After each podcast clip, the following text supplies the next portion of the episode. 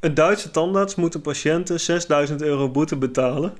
De medicus gaf de vrouw 14 wortelkanaalbehandelingen in één dag. Hele bek open, gek. Overal bloed. Eén groot slagveld. Wat? Wortelkanaal, worteloceaan, gek. Oh, wat ziek. Staat hier, normaal gesproken wordt zo'n operatie over meerdere weken verspreid. Maar deze arts klaarde de klus in één 12 uur durende sessie. Tussen het boren door voerde hij de vrouw dronken met enkele grote glazen cognac. Naar eigen zeg om de pijn een beetje te verdoven. Daar hebben we toch gewoon narcosemiddel voor? Nou, ik zie hier een sadist aan het werk. De rechtbank in München stelde het slachtoffer in het gelijk. Zwaar, hè? De rechtbank in München. Het klinkt bijna een beetje als een tribunaal van Nuremberg. Ja, de nazi-nazaat. Ja, dat is er wel een hoor. De naadzaad. De tandarts, de taanarts, naadzaad. De zaanarts.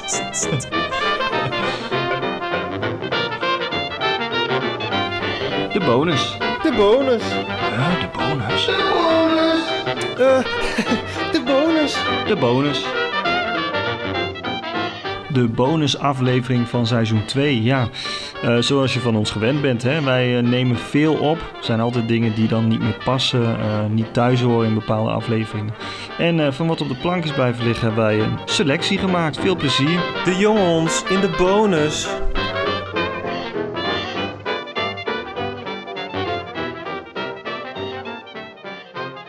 Ik denk, eh, ik meld het even, ik ben niet, niet rozijnen aan het eten. Met eh, veel suikers weliswaar. Suikers, maar met vezels. en wat doen die vezels? Die vertragen de boel, de opname van suiker. Maar ja, eh, dieren mogen dat niet. In ieder geval honden mogen geen rozijnen en druiven. Hè? Ook al niet? Ook nee, geen... dat valt, geen- eh, valt in de categorie chocola. Ja, ik wil net zeggen, honden. eh Duo Penotti is ook al niet aan ze besteed. Bestaat het überhaupt nog Duo Penotti? Hoe kom ik daar nou ineens bij? De Penotti. Honden zijn wel slim, hè? Maar ehm, ja, die, die vreten het wel gewoon, hè? Ja, ja die eh, voelen dat niet aan, hè, instinctief. Van dit is eh foute boel. Dit, maar dit dat, is, nee, dit is Steven niet. nou, Welke we- soort schaar jij onder de intelligente dieren? Daar hebben we het al, is al één met Ja, een wil- over opgetild. We hebben het al gehad over de dolfijn, de octopus, eh, varkens zijn redelijk slim. top 10. Wat, is- wat is- zou jouw top 10 zijn? Slimste dieren. Zitten er een paar bij dat je zegt, hè? Ja, heb je dat uitgezocht dan?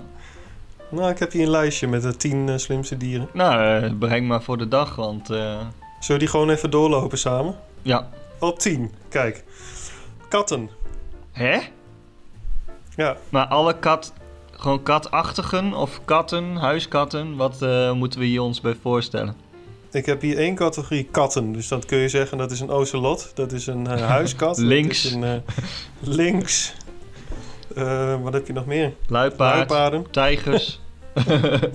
leeuwen. Alles, alles met nagels en een beetje zo'n scherpere... Hoe noem je dat? Zo'n spitse kop. ja, ze zijn ontzettend wendbaar. ja, en, en ze weten ook de, de luwte wel te vinden, hè? De luwte op de steppen. Lekker buiten de wind, een beetje in de luwte. Een beetje zo'n plekje voor zichzelf. Als ze dan gejaagd hebben, dan, eh, gaan ze daarna lekker in de luwte even Ja. bijkomen. Ja. Ze zijn niet zo trainbaar als honden. Toch zijn ze zeer bedreven in het leren van nieuwe vaardigheden. Oké. Ja. Ja, Dat is waar. dat ze niet trainbaar zijn, zijn ze gewoon... Ze hebben iets, iets meer scheid aan de training zelf, denk ik, hè? Ja, ik denk dat gewoon daar iets in ontbreekt ook bij katten. Dat, dat inzicht of dat eh, de wil ook om, dat, om zich te laten trainen. Ja. Wel jammer hoor. Maar ja, wel zijn toch jammer. wat meer solitair hè. En die eten geen rozijnen. Zijn intelligent. Die maken het onderscheid tussen wel dodelijk en niet dodelijk. Die eten geen cacao en rozijnen en wel kattenbrokken. geen cacao. Nee, maar eten ze echt geen cacao, denk je, als je zo'n... eh, als je het Ja, voor ik eh, denk dat ze het wel eten. Ja, ik denk dat sommigen het wel eten. Oké, dus we hebben het hier over relatieve intelligentie. Relatief, ja, zeker. Nou, dan hebben we op 9 de eekhoorn. Ach, ja, die, Ja. eh, dus dat is niet allemaal eh, instinct en eh, algoritmisch geprogrammeerd, zeg maar. Die hele voorraad aanleggen en seizoenen het is, afwachten. Nee, het is niet een algoritme, je doet hier informatie erin en daar komt het resultaat. Want zijn intelligentie is vooral wel gericht op het vinden van voedsel, dus het hangt wel samen met dat eten. Uh, de hersenen van een eekhoorn hebben een belachelijk groot geheugen om te onthouden waar ze eten moeten zoeken en waar ze het hebben opgeslagen. Oh. Dus het is, het, het is mooi dat ze intelligent zijn als ze maar tot aan de, de mens komen. Tot aan de bosrand. Ja, je, je wil een beetje, je wil nog net superieur zijn, denk ik. Ja. Ik denk niet dat je wil laten overschaduwen natuurlijk, hè, door eekhoorns. Of door, door eekhoorns. dus dan moeten die intelligente dieren, die zijn misschien ook wel slim genoeg om dat dan niet te doen. Hè? Die zijn misschien nog slimmer dan wij denken, maar die houden zich een beetje in de luwte qua intelligentie. Die zijn eigenlijk slimmer dan wij. Dus wij zijn domme. Die hebben meer kennis. Dat zijn meer... Dat zijn echte Machiavelli's. Machiavelli's heb ik hier een relatief hele grote Machiavelli. Op 8. Op 8, de olifant. Ja, oh ja, dat wist ik. Die zijn slecht. Of ja, tenminste, geheugen. Ik weet dat ze ook een rijk emotioneel uh, leven hebben, zeg maar. Nou, maar daar zeg jij wat, hè? Dat is wel een rake opmerking. Hè? Het is bekend dat olifanten uh, de complexe werking van sociale interacties en empathie kunnen begrijpen. Dat in tegenstelling tot de meeste diersoorten. Dus ze hebben natuurlijk een heel grote hersenmassa. Ja. Hersen- en lichaammassa, die verhouding.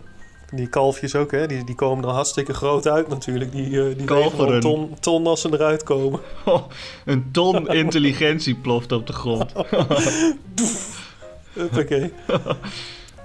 Zeven, de octopus. Hé, op zeven pas? Nou word ik echt wel benieuwd. ja, want uh, ik bedoel, die octopus hebben we toch filmpjes van gezien... dat die uh, losse dingen op waar ik zelf niet eens uitkom. Net zoals bij katten is, de octopus, is bij de octopus de intelligentie vooral gericht op het jagen. Dus het is ook wel weer voor eigen belang, hè, een beetje. Ja, oké. Okay. Ze zijn ervaren jagers en uh, ze gebruiken ook verschillende ontwikkelde strategieën voor uh, het jagen op voedsel, vinden van voedsel. Ja, waaronder uh, camouflageachtige praktijken, toch? ja, Zeker. Maar is dat slim of hebben ze dat gewoon, is dat gewoon door evolutie zo uh, gekomen en profiteren ze daar gewoon slim van? Want ik bedoel... Ik denk dat door de vraag te stellen geef je eigenlijk daar ook het antwoord wel op. Oké, okay, dus je kan niet de individuele octopus erop aankijken en zeggen: Goh, jij hebt het zo intelligent geregeld. Nee, je moet eigenlijk kijken naar alle octopie die ervoor zijn gegaan. Ja, naar de hele de soort als geheel. Ja, die waren denk ik al vroeg erbij. Die waren heel vroeg erbij. Ik denk dat je dan wel met negen nulletjes misschien wel teruggaat in jaren. Maar ze zijn ook in, uh, in staat om ingewikkelde problemen op te lossen. Ja. Dus uh, eigenlijk zouden die uh, aan het roer moeten hebben van de beurzen. van, van landen. Je hebt, toch die, ja, je hebt toch die um, voorspellende octopussen die de WK-uitslagen doen en zo. Dan wordt ineens, gaan, mensen gaan een beetje over de top dan. Hè? Dan maar zijn dan, ze intelligent dan en dan ineens zijn het ook nog eens profeten. ja, precies. Dan verwaar je dus intelligentie met paranormale gaven, hè? Ja, dat, uh, dat doen heel veel mensen. Dus dan maar ja, bijna of, weer een karikatuur. Hey, of um, wij zijn nog niet zo intelligent dat wij het bestempelen dus als paranormaal gaven. Maar zij zien gewoon dat... Zij zien in de tijd, er is geen tijd. En dat is dus piece of cake voor Dat zou dus ook kunnen. Dat kan ook. Er is geen tijd. Alles is nu. Ach toe. En alles is altijd. Dus die, ja, die beesten ja, die overschaduwen ook uh, achter de ruggen van mensen om wel hun meerdere eigenlijk. Hè? Ja. Maar dan gaan we even door naar 6. Dat is natuurlijk een hele voor de hand liggende, ook heel trouw. Dan hebben we het over de hond. Ah, de trouwe viervoeten. Trouwe, intelligente viervoeten. Ja. Maar die verscheurt je ook als die wil, hè? Dus die houden zich ook op de achtergrond. Ja, dat, dat zijn ook een beetje de wolven in schaapskleren. Hè? Niet, niet alleen spreekwoordelijk, maar ook uh, aan de afstammelingen van de wolf. Ja. En het, het hond zijn, dat, is eigenlijk, dat zijn die schaapskleren. Hè? Het hond zijn, dat zijn eigenlijk wolven die, uh, het hond die, zijn. die toenadering zoeken. die proberen te, die, die grens een beetje op te zoeken tussen uh, de luwte en de, in de wereld van de mens infiltreren. Ja, die zitten net een beetje op dat kantelpunt van dat ze door de mand vallen, net niet. Maar toch die duurpenotti leeglikken en weg zijn dan, hè? En blijkbaar ook die druiven en rozijnen, waarvan ik er nog eentje in mijn mond stop. Een gedroogde druif in dit geval, een rozijn. Een antidiabetespilletje, zo kun je het ook noemen. ik ga dan weer even door. Gaan Petersen. Had Al Petersen maar vaker eh, iets meer appeltaart misschien. Want daar zitten dan de rozijnen in, hè? Die eh, Ja. kunnen de boel Nou, gewoon verzachten. een zak rozijnen in plaats van dat pak suiker al branden in de pan. Ja, vreet gewoon een pak met eh, rozijnen op. ja. Of een eh, doosje met eh, druiven. De verse rozijnen. Ja, wel goed afspoelen hoor. Goed afspoelen en strak afdrogen, hè?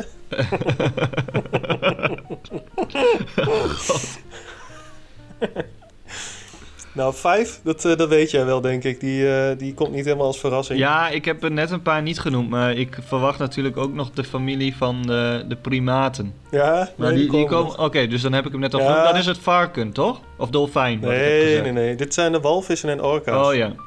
Zijn ook, eh, staan ook hier weer bekend als geduchte probleemoplossers.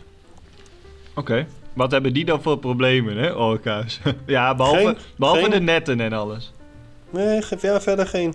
Die, al- die lossen alles op zelf. ja, maar wat dan? Alles, noem maar iets. jij, kun- jij kunt niks noemen dat zij niet oplossen.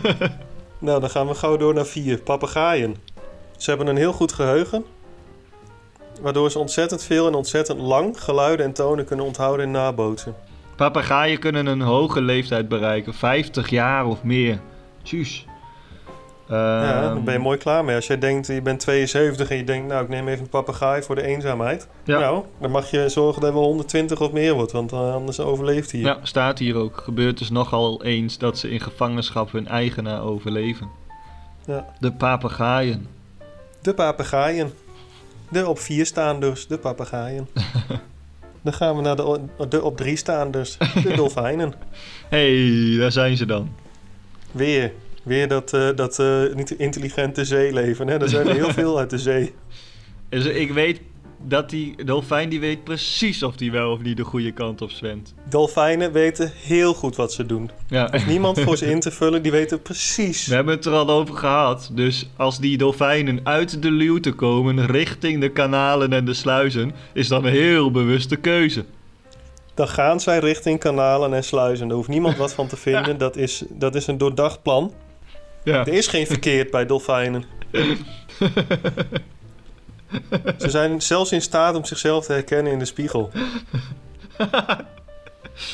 Oh. Dat is handig. Ja, dat is heel handig voor dolfijnen. nou, die, die zeespiegel. Daar trainen ze ook op, hè? op de zeespiegel, van onder zo. Dolfijnen trainen de hele dag met in de zeespiegel kijken. Geen wonder dat ze zo intelligent zijn geworden gedurende Ja. die miljoenen jaren. Ja, dat zijn de op drie staanders, dus dat is wel wat voor te zeggen. Ja. Tuurlijk, die hebben brons. Die hebben brons. Is brons niet een hele fijne medaille om te winnen? In tegenstelling tot zilver. Ja, is toch bitter, hè? Daar zit veel verdriet, voel je daarin. En dat voel ik eigenlijk ook bij het dier dat op twee staat. Voel ik dat ook een beetje. Oké, de op twee staan dus. De op twee staan dus. Ja, dat is toch een bittere, ja, bittere medaille dan voor, de, voor deze soort. De varkens. Zo slim, hè? Dus die zijn net zo slim als eh, een driejarig kind. Wordt hier gezegd. Maar ook eh probleemoplossend vermogen, hè? Dat wordt wel... eh, Nou ja, en opnieuw noem ik het eh, rijke emotionele leven, toch? Van eh, varkens. Een zeer rijk emotioneel leven. Je zou de, de varkens de miljardairs kunnen noemen als het gaat om de emotionele Je- currency, valuta. Je zou een op, de op één staan dus kunnen noemen. Nou, dat is nog wel. Oh, oké. dat, zou je, Nou. de- nou, dat zou ik niet zo noemen. Ik zou zeggen dat zijn de, milja- de miljardairs eh, als het gaat om de emotionele valuta. Dan hebben we hier de triljardairs. Als het gaat om emotionele valuta, dan hebben we het over de e- op één staanders, de chimpansees. Toch? Ja. Poeh, na die foto erbij, dit ziet ook uit als een rijk man hoor. Ja, die God. kijkt je recht in de ogen. Die heeft geen spiegel nodig. Nee, nee. Die herkent zichzelf ook wel zonder spiegel. Zo slim. En daar staan ze op de grote losers van 10 tot 5. Op 10 de grootste loser van dit rijtje katten. Op 9 de eekhoorn. Op 8 olifant. 7 de octopus. En 6 de hond. Ah, joh. Hoe is het nou? Hey, hoe is het nou? Wow, wow. Nou, dan toch nog even om het complete even rijtje maken, even de, de, de Uberdieren. maar dit, is, dit ligt wat recenter in het geheugen, hè? Het zeer ontwikkelde geheugen. Ah, van het de is nog maar een paar minuten geleden. Daar hoef je geen ARA voor te zijn. Nee, daar hoef je ook geen uh, primaat voor te zijn. Daar hoef je ook geen dolfijn voor te zijn. Daar moet je wel een walvis voor zijn, want die staat op vijf. Walvis en orka's. Vier, de papegaai. Drie, de dolfijn. Twee, varkens. En één, de ubergod. De chimpansee. En daar hebben we onszelf niet meegeteld.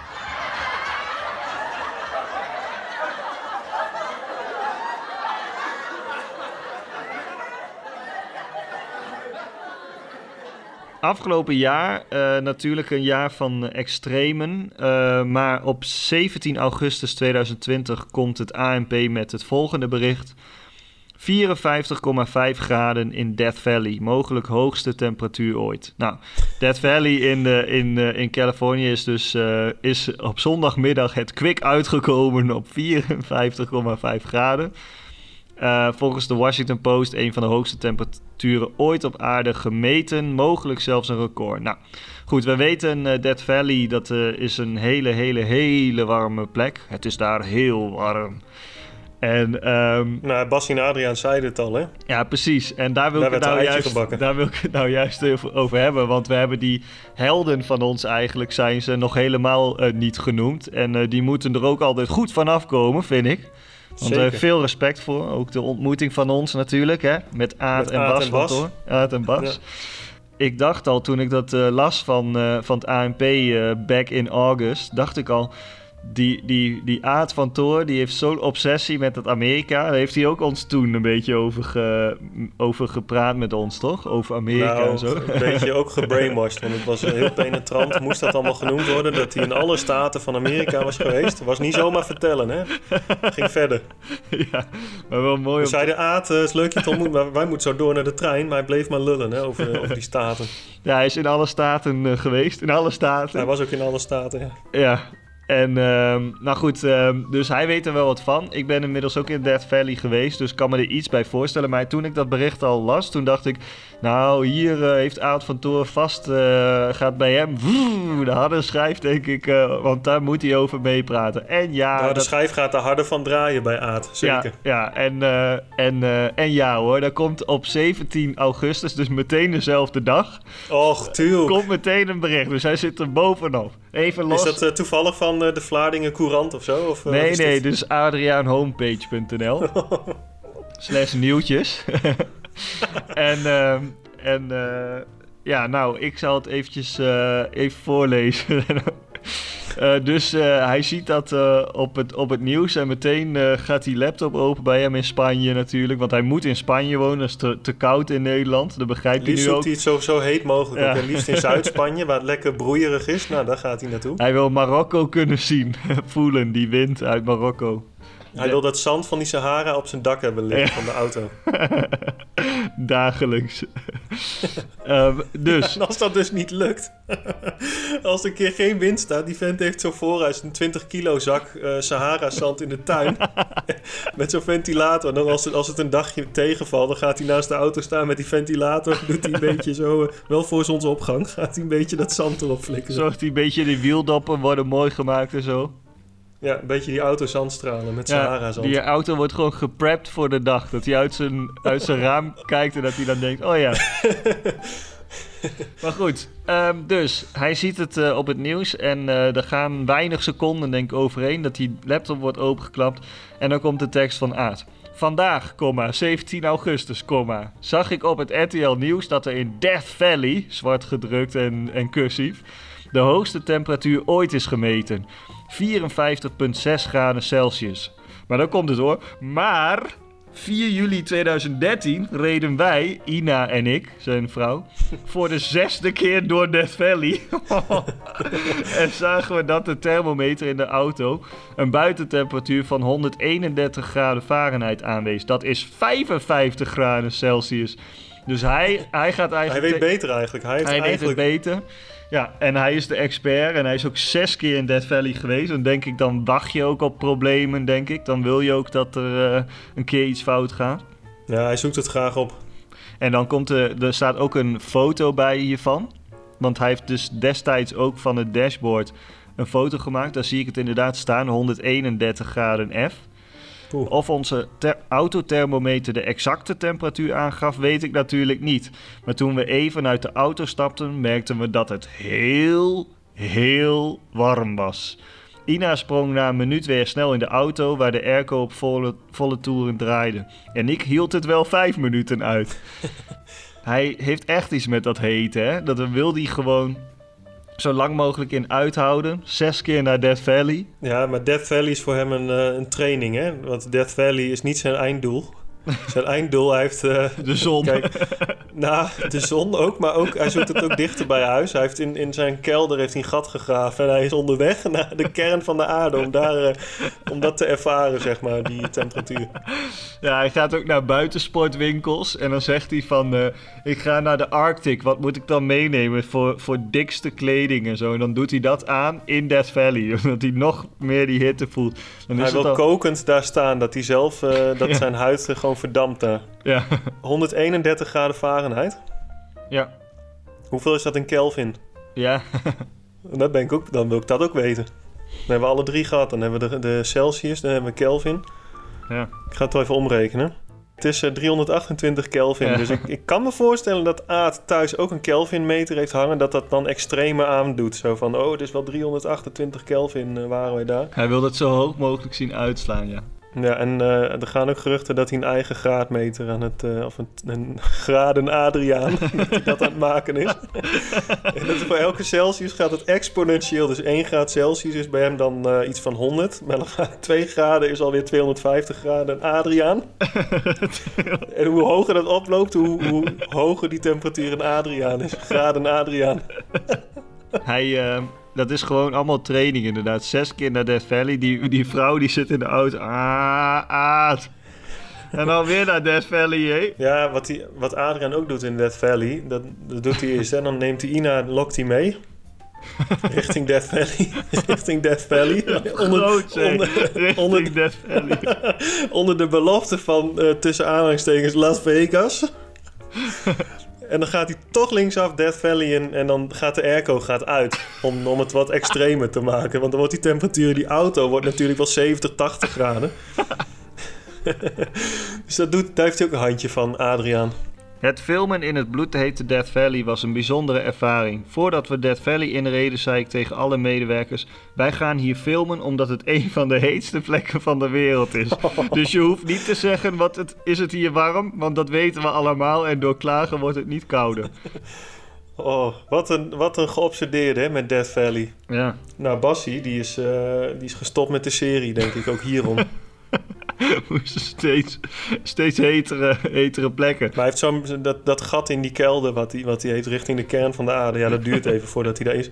Maar dat, dat heeft hij zo breed gemaakt, zo, zo lang, dat dat bed ook aan een touw zo kan afzakken, zo s'nachts. Dat dat in die, in die warme schacht, in die warme schacht naar beneden wordt gelaten.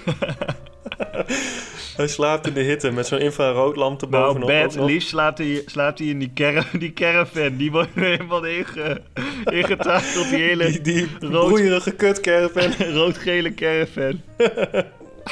Ja, dat is ook naar de, de kleuren van de kern van de aarde, die rood-gele Ja. caravan.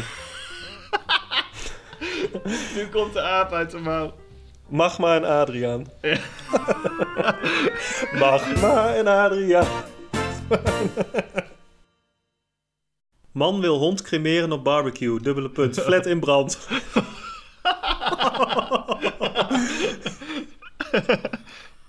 Plek in brand. Flat in brand is de conclusie. Oh. Ja, dat in België heeft iemand geprobeerd een dode hond te cremeren op de barbecue. Deed zich voor op een terras van een appartementsgebouw in eh, Schaarbeek. En dan wat volgende zin ook, de benzine die de man gebruikte, was wellicht op het terras gelekt. Benzine! Over je dode hond flikkeren en dan in de, in de brand steken. Zo'n zo jerrycan. Op een barbecue. Ja. Er waren grote vlammen te zien vanaf het terras van de tweede verdieping. Oh, die vlammen, die sloegen zo hoog uit van die hond. Uit die hond helemaal. Ja, dat zegt de politie concludeert ook. De hond was volgens de politie zwart geblakerd. Verko- Verkoold. Helemaal verkoold. Helemaal zwart. Dan hoeft hij alleen nog zo'n tikje tegenaan te geven met zo'n stok, zo'n ijzeren stok. En dan was het helemaal uit elkaar, eh, die kolen. Het is gewoon één poederbende en dan kun je in een urn stoppen. Poeder. Dan kun je je eigen hond opsnuiven. Poeder. of we werken in een, in een hondpoederstok tegen de huig aan. Beetje kaneel erdoor, beetje suiker, glucose. En toen die Ja. flat in brand. Flat in brand, vlammen sloegen eruit. Je ziet al voor je, die hond die daar in de fik staat, die vent die in paniek, die denkt, god, dit, ja, zo had ik het ook weer niet eh, voorgesteld. Buren in paniek. En dan heeft eh, op, op verdieping 6 hebben mensen dus dat roet van die hond nog aan het plafond. Ja, en niet alleen aan het plafond, ook aan de huig, door het inademen. Ook aan de huig. Als je op eh, de achtste verdieping nog een hoogpolig tapijt had, had je de hond, eh, had je de hond in het tapijt. Ja, dat, sowieso, die hele flat werd afgevoerd voor hondlongen, hè. Stoflong, Ja. hondlong. Allemaal naar de, naar de longafdeling. Extra tenten, code rood. 8100 besmettingen per dag met, met hondlong. Lekker babi pangang met hondlong. Hondlong. Contact.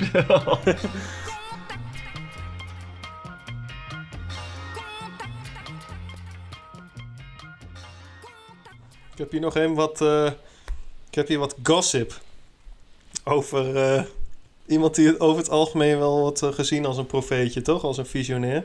Oké. Maar er is ook wat over zijn studietijd nog te zeggen. Dat gaat over Nostradamus. Ik dacht al, er is natuurlijk maar één iemand. Die zag het allemaal. En die noteerde het ook lekker cryptisch. Dus eigenlijk, eigenlijk was hij de bij, eerste... Bij hem is een cryptogram. En dan gewoon in de grabbelton grabbelt hij vier cijfers. Dat wordt sa- samen een jaartal. en dat is de voorspelling. En dan, gaat, en dan koppelt hij dan eh, in een andere grabbelton met A tot Z. met een paar eh, dubbelingen erin. En dan eh, puzzelt hij dat beetje bij elkaar. En dat wordt het dan. Ja. Ja, hij begon toen hij 15 was met studeren aan de Universiteit van Avignon. En na iets meer dan een jaar moest hij Avignon verlaten. toen de universiteit de deuren sloot vanwege de uitbraak van de zwarte doodpest. nou, had hij, had hij dat niet aan kunnen zien Nee, komen dan? Wat ben je dan voor visionair?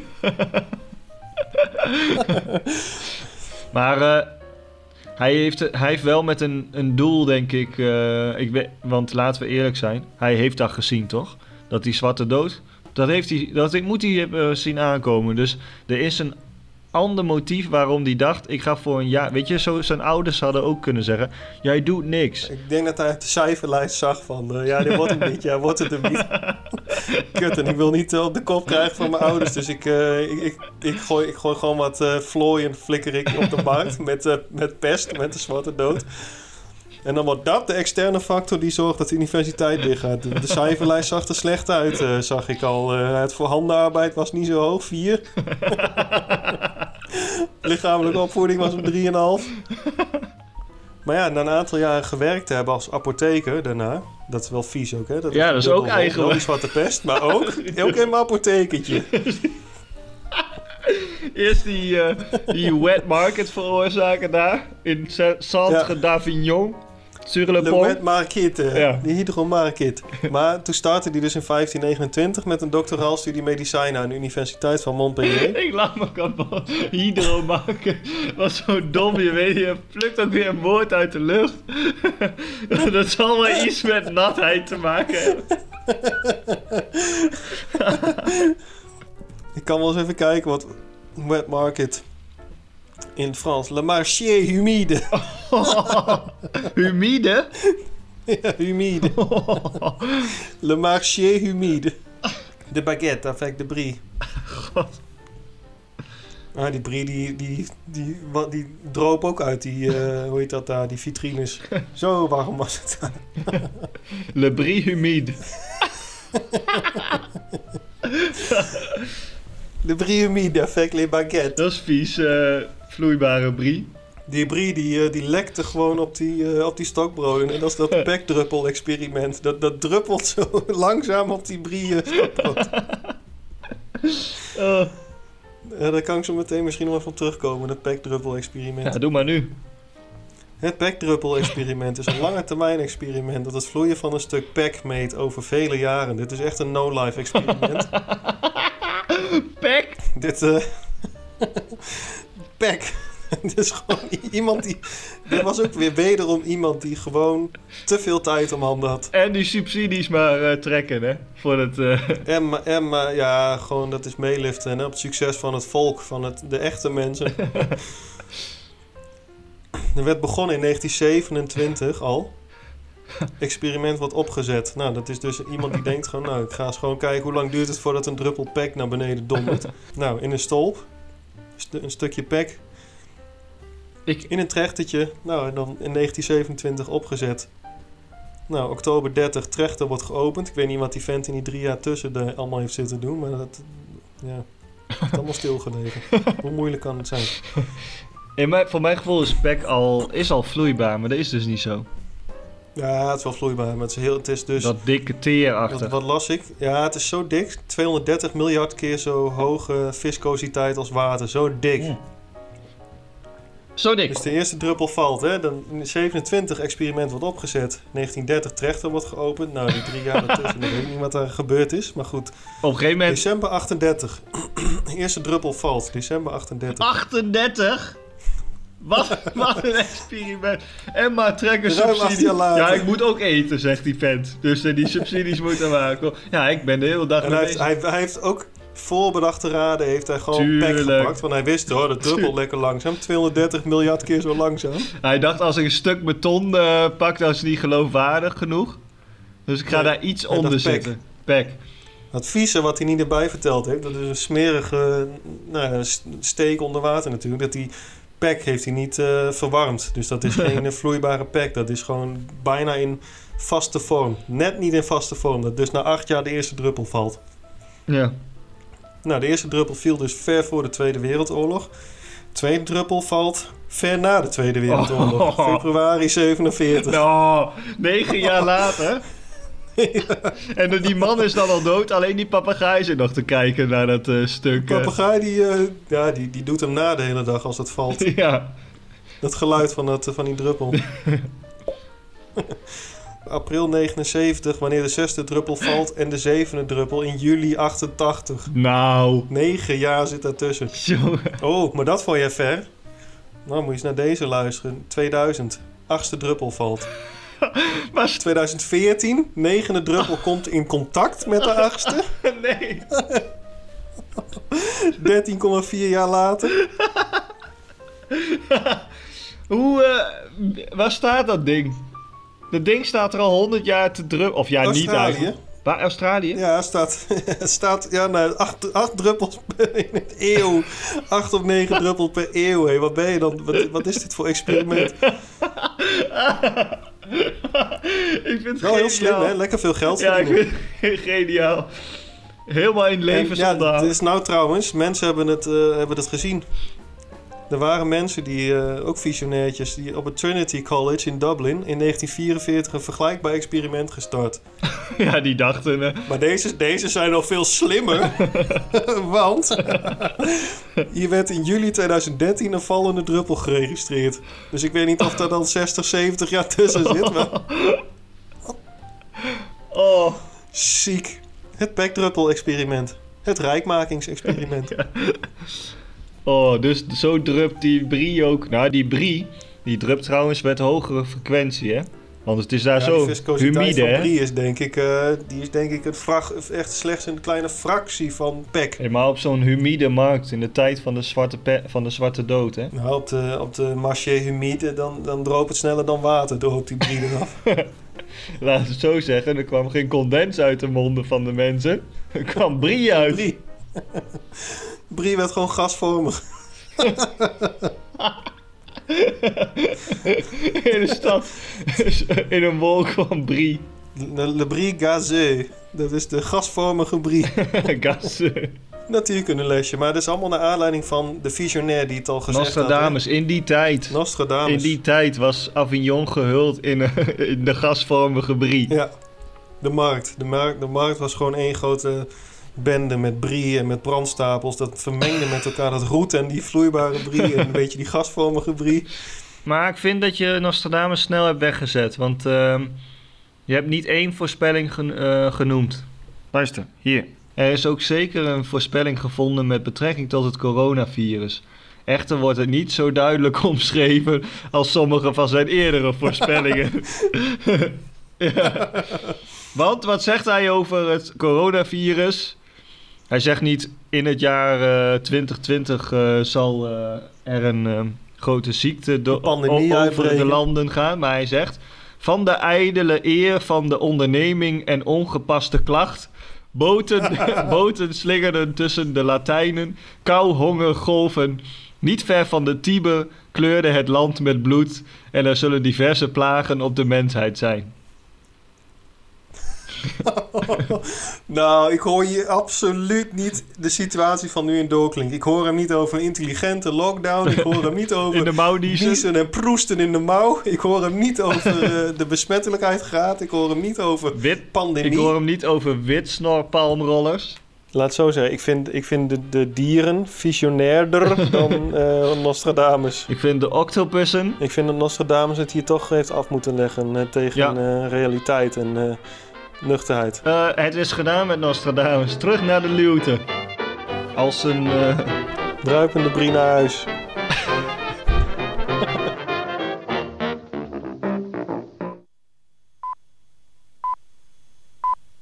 Voor wat vanavond betreft, als u nog moet werken, sterkte. Als u gaat slapen, wel te rusten. En in beide gevallen bedankt voor het luisteren en graag tot woensdag.